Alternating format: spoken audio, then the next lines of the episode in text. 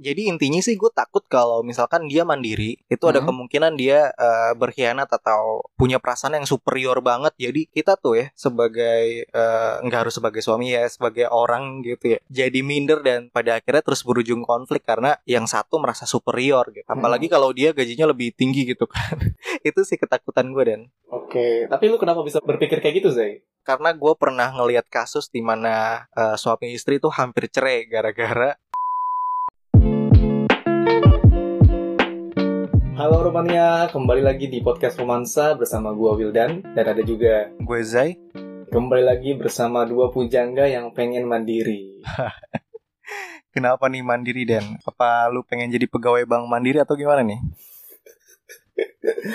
Nggak bisa gue Zai, gua tuh udah pernah ditolak di Bank Mandiri dulu. Oh, Eh tapi boleh sih kalau misalnya nanti Bank Mandiri pengen masuk sebagai sponsor podcast Romansa lah, kalau misalnya pengen ya. iya iya bisa bisa bisa.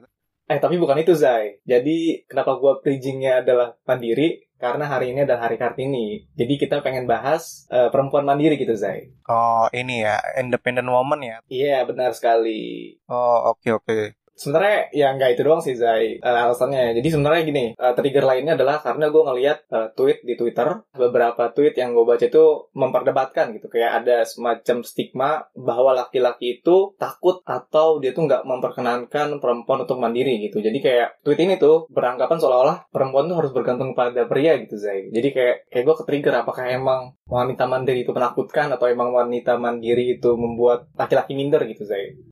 Oke iya iya iya. Gue juga ngelihat itu juga tapi isunya bukan di eh, Twitter ya, lebih kepada di dating apps karena lumayan banyak tuh di profilnya eh, bertuliskan eh, independent woman gitu-gitu tuh cewek-cewek tuh. Nah tapi eh, gara-gara itu gue juga jadi mikir, emang penting ya untuk deklarasiin diri kalau lo wanita independen? Hmm. Eh tapi bentar dulu Zai. Iya. Sebelum kita masuk ke situ, mending kita kasih batasan dulu nih. Sebenarnya eh, wanita mandiri atau independent woman itu apa? Oh iya, bener-bener bener. Sepengetahuan lo emang independent woman itu apa dan?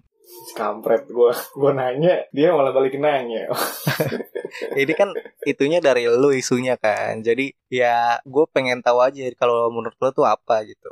Oke, eh sebenarnya kalau misalnya dari pengertian gue sih, Zai, menurut gue ya, menurut pendapat gue gitu. Kalau misalnya wanita mandiri itu atau independent woman tuh wanita yang bukan bukan berarti dia nggak butuh orang lain ya, kayak karena kesannya man, karena ada title mandirinya bukan berarti dia nggak butuh orang lain, tapi dia sebisa mungkin tidak menggantungkan dirinya pada orang lain sih. Itu yang yang gue tangkap atau yang gue persepsikan. Tapi kalau misalnya gue nyari di internet sih, memang pengertian jelasnya juga kurang ada ya mereka tuh cuma ngasih referensi ciri-cirinya aja gitu. Nah ini gue baca salah satu di femela.com, jadi kayak dia mengasumsikan kayak wanita mandiri itu satu, ini kayak ciri-cirinya sih, jadi dia tidak menjadikan orang lain sebagai dunianya gitu. Oh, oke. Terus yang kedua itu perempuan mandiri ini adalah perempuan yang produktif. Terus dia bisa menjaga dirinya sendiri. Lalu yang terakhir di sini perempuan mandiri itu adalah mandirinya di sini berarti mandiri secara finansial Zai. Jadi kayak tadi yang gue bilang dia berusaha tidak menggantungkan dirinya pada orang lain itu tadi. Iya iya iya. Yang kebayang sama gue juga wanita mandiri tuh eh, pakaiannya pakaian setelan jas kayak business woman gitu. ya. Oh iya iya benar. Karena kan Eh, isunya itu naik gara-gara eh, isu di mana seakan-akan tuh wanita kayak ketergantungan pada laki-laki Eh, baik itu ya secara finansial ya. Gue kebayangnya juga independent woman tuh yang mandiri secara finansial itu sih kalau dari gue. Tapi kalau dari omongan gue dan lu dan kita bisa simpulin sebenarnya kayaknya nggak ada masalah deh gitu kan. Justru positif-positif aja gitu. Ini kenapa jadi masalah gitu ya? Hmm, ya menurut gue ya Zai, kayaknya ya akan menjadi masalah ketika kita nih mungkin laki-laki ya terpaku banget sama budaya patriarki Zai. Nah, kok ketika kita selalu terpaku ya, selalu terpaku pada budaya patriarki itu, nah di situ muncul masalah Zai. Oh iya iya iya. Ini kan mm, lebih ke Hmm. harga diri gitu kan kalau di budaya patriarki kan. Jadi kan kalau misalnya di kita ngomongin budaya patriarki ya, ini yang mungkin gue kurang referensi tapi kalau misalnya teman-teman punya apa ya kalau misalnya gue salah tolong dikoreksi ya teman-teman. Jadi kalau misalnya yang gue baca atau yang gue tangkap itu budaya patriarki itu kan eh, menjadikan laki-laki itu seolah tokoh sentral atau tokoh utama gitu kan. Nah di situ tuh perempuan itu kayak nggak diperkenankan ya atau kurang lah, kurang didukung atau kurang disupport untuk menjadi eh, lebih menonjol dibandingkan laki-laki Oh, gitu. oke. Jadi kayak laki-laki ini harus sentral gitu. Sedangkan perempuan ya ya berdiri di bawahnya gitu, di berdiri di Hmm. belakangnya gitu. Nah, Sedangkan kalau misal tadi kita ngomongin konsep independent woman, Iya. itu kan si perempuan ini kan menjadi lebih mandiri ya Zay. Jadi dia mensupport dirinya sendiri, dia yang ya dia harus menjadi tokoh utamanya kan dalam hidupnya Betul, dia. betul. Nah ini kayaknya bersinggungan nih sama tadi eh, definisi tadi yang gue jelasin terkait dengan budaya patriarki gitu kan, di mana laki-laki itu menjadi tokoh utamanya dan perempuan itu ya ti- tidak menonjol lah gitu atau kurang kurang mendapatkan support gitu di budaya patriarki. Nah kayaknya karena definisi tersebut itu bergesekan, Hmm. di sini muncul masalah Zai. Jadi kayaknya lu laki-laki yang terpaku pada budaya patriarki yang merasa dirinya tokoh utama, dia nggak mau dong tersaingi dengan adanya perempuan yang muncul sebagai tokoh sentral atau tokoh Oh. utama juga gitu. Oke oke oke. Berarti ada ada hal yang tidak diperkenankan untuk menggeser kekuasaan laki-laki ya. Bener bener ya kurang Iya. lebih sih kayak gitu Zai. Kayak ya bergesekan tadi sih bener. Mungkin yang merasa terganggu atau yang merasa resah juga kayaknya tuh dia adalah sosok yang dominan gitu kan dan perempuan yang mandiri itu nggak sesuai dengan harapannya gitu nggak sih? Hmm, kalau misalnya sosok dominan, eh gua rasa agak Iya. agak kurang ya. Maksudnya ini lebih ke budayanya aja sih, budaya patriarkinya gitu. Jadi kayak kalau misalnya lu laki-laki dan lu terpengaruh gitu sama budaya patriarki, jadi lu akan kurang setuju nih dengan konsep independent woman gitu. Itu bukan karena sosok dominannya, karena kalau misalnya kita ngomongin sosok dominan itu kan, itu menurut gue itu lebih ke kepribadian gitu Zai. Jadi gue pernah ikut tes gitu, ada tes namanya di DISC. Jadi DISC itu dominan, influence, steadiness, dan compliance gitu. Nah, yang gue rasa ketika kita punya yang tadi lu bilang ya, Iya. yang masalah ini adalah karena kepribadian yang dominan. Nah, yang gue rasa itu ketika lu punya kepribadi- kepribadian dominan, itu tuh lu akan mendominasi eh, semuanya gitu. Jadi kayak lu nggak memandang gender untuk mendominasi gitu. Kalau misalnya di budaya patriarki kan kayaknya dia mendominasi terhadap gendernya kan. Jadi kayak laki-laki harus dominan terhadap perempuan. Nah, sedangkan kalau yang di kepribadian dominan itu, ya lu mendominasi bukan by gender. Jadi kayak lu pengen emang mendominasi, mendominasi di semuanya aja gitu. Itu yang menurut Iya. menurut gue ya gitu. Jadi kayaknya beda kalau misalnya eh, kepribadian dominan sama eh, tadi yang budaya patriarki Zai. Iya iya iya. Pantesan ya berarti kalau gue lihat isu independent woman ini emang nggak jauh-jauh ya sama isu patriarki juga gitu. Iya iya iya ya, ya yang gue lihat di Twitter sih emang agak-agak sering nyinggung itu sih. Hmm.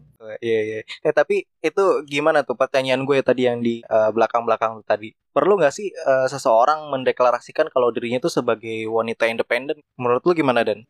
Hmm, ini juga fenomena yang gue lihat di Twitter ya kayak kan gue di searching ya di searching Iya. di Twitter gue sempat nge-search wanita mandiri atau independent woman gitu pas gue lihat tweetnya banyak tuh Zai yang ya rata-rata gue lihat sih emang perempuan kayaknya profilnya gitu. Jadi emang kayaknya banyak yang nge-tweet ya gue sebagai perempuan mandiri bla bla bla gue sebagai independent woman gitu bla bla bla. Jadi kayaknya emang Ah. banyak yang mendeklarasikan dirinya sebagai independent woman gitu di Twitter. Nah kalau lu tanya penting atau enggaknya gue rasa ini penting nggak penting sih Zai jadi kayaknya tergantung lu lu ada di mana gitu. Kalau lu tadi kan lu bilang eh, lu nemu di dating apps gitu kan kayak banyak perempuan yang mendeklarasikan dirinya sebagai independent woman gitu. Nah, gue rasa kalau konteksnya di dating apps itu kan dia kayak mendeklarasikan diri untuk filtering ya, yang gue rasa. Jadi kayak, oi, coy, gue ini independent woman nih gitu. Iya. Jadi ntar orang yang mau deketin dia kayak tahu, oh dia itu independent woman gitu. Jadi kayaknya itu untuk filteringnya dia. Mau nggak nih sama gue yang independent woman gitu. Ah, Kayaknya oke, sih yang gue tangkap gitu sih. Itu tadi itu penting. Tapi kalau misalnya bagian kepentingnya, gue rasa sih nggak penting karena menurut gue semua orang nggak nggak harus tahu lu sebagai independent woman gitu sih, Zai. Iya iya iya. Bisa jadi ya soalnya eh, mungkin masih banyak orang yang nggak bisa nerima eh, wanita yang independen atau wanita yang mandiri gitu ya. Jadi di dating apps mereka mesti eh, deklarasiin diri mereka sebagai independent woman. Iya, iya bisa jadi ya bener. Ya tadi gue bilang sih kayaknya emang itu filteringnya dia aja. Iya. iya. Dan itu juga deklarasi itu bisa menegaskan kalau misalkan eh gue nggak butuh uang lo jadi jangan so Oke. gitu kan soalnya kan Oh, gue iya. dengar dengar ya di Iya, dating apps itu ada cowok-cowok yang suka pamer kekayaannya gitu-gitu Ah. Dan- Iya, iya, iya. dan Be- ada bener sih bener. ada banyak cewek juga yang nggak suka dengan hal itu tapi ya ada juga yang kecantol sih ya. Iya, iya, iya, iya, tapi buat lu sendiri dan kalau independent woman itu jadi masalah nggak sih buat lu Eh, maksud gue kayak masuk nggak sih ke kriteria pasangan lo gitu Hmm, gue sih lebih suka ngeliat perempuan mandiri Zai karena kesannya keren aja gitu. Iya. Dan ya ditambah gue kan juga agak males ya kalau misalnya untuk nemenin untuk nemenin dia misalnya Iya. kayak eh tolong dong temenin gue ke sini gitu. Eh tolong dong anterin gue ke sini. Kayak karena image di benak gue oh, perempuan mandiri itu bisa sendiri gitu. Kalau misalnya mau dia bisa sendiri ya udah nggak apa-apa sendiri aja. Gue kan nggak harus ikut atau gue nggak harus nganterin gitu. Ya emang ini lebih ke malesnya aja sih Zai iya iya iya. Kalau lu sendiri gimana Zay? Lu ada masalah nggak sama uh, independent woman atau wanita mandiri ini? Gue sih nggak ada masalah ya uh, sama independent woman. Hmm. Justru gue suka sih. Beneran gak nih? Ntar gue gue takutnya ya Zay, kita Iya. jawab kita jawab soal kita suka cuma karena kita menghindari perdebatan aja gitu kayak ah lu mah konten doang kali. Jadi kayak lu pendukung-pendukung aja gitu. Ya nyari aman ya. Tapi beneran dan gue tuh uh, suka sama independent woman. Mm-mm, oke. Yang gue nggak suka tuh Zay, lu, lu, lu di, digeprek lu ntar lu Zay. Oke nanti disensor tuh. Ya pokoknya sih gue punya alasan kuat lah kenapa gue suka wanita mandiri dan menurut gue itu perlu juga gitu. Oke, kenapa? Kenapa? Alasannya apa lu?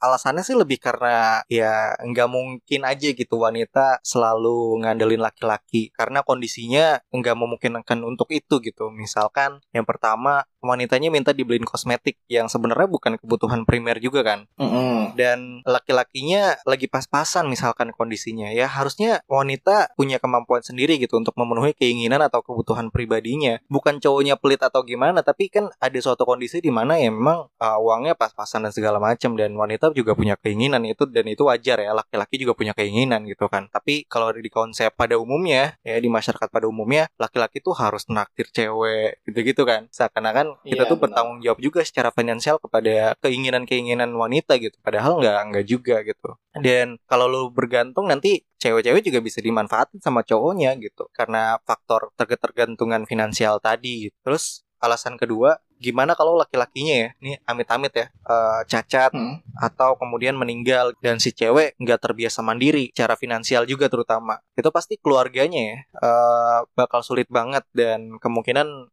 eh, bertahannya kecil. Itu juga yang gue khawatirin sih terhadap diri gue sendiri ketika gue meninggal duluan nanti. Ketika gue punya keluarga dan gue meninggal duluan nanti anak istri gue gimana gitu kan. Kalau misalkan kalau pasangan gue nggak punya keahlian gitu atau gue tidak membiarkan dia untuk eh, mengeksplor keahliannya dia tapi selain itu gue juga punya ketakutan terhadap independent woman juga dan Lu lu takut kenapa gitu? Apa apa lu maksud maksud takut tuh kenapa? ya sesuai lagunya Vera ya aku takut kamu pergi ya jadi eh, jadi intinya sih gue takut kalau misalkan dia mandiri itu ada Hmm. kemungkinan dia eh, berkhianat atau punya perasaan yang superior banget. Jadi kita tuh ya sebagai eh, nggak harus sebagai suami ya sebagai orang gitu ya jadi minder dan pada akhirnya terus berujung konflik karena yang satu merasa superior gitu. Apalagi kalau dia gajinya lebih tinggi gitu kan.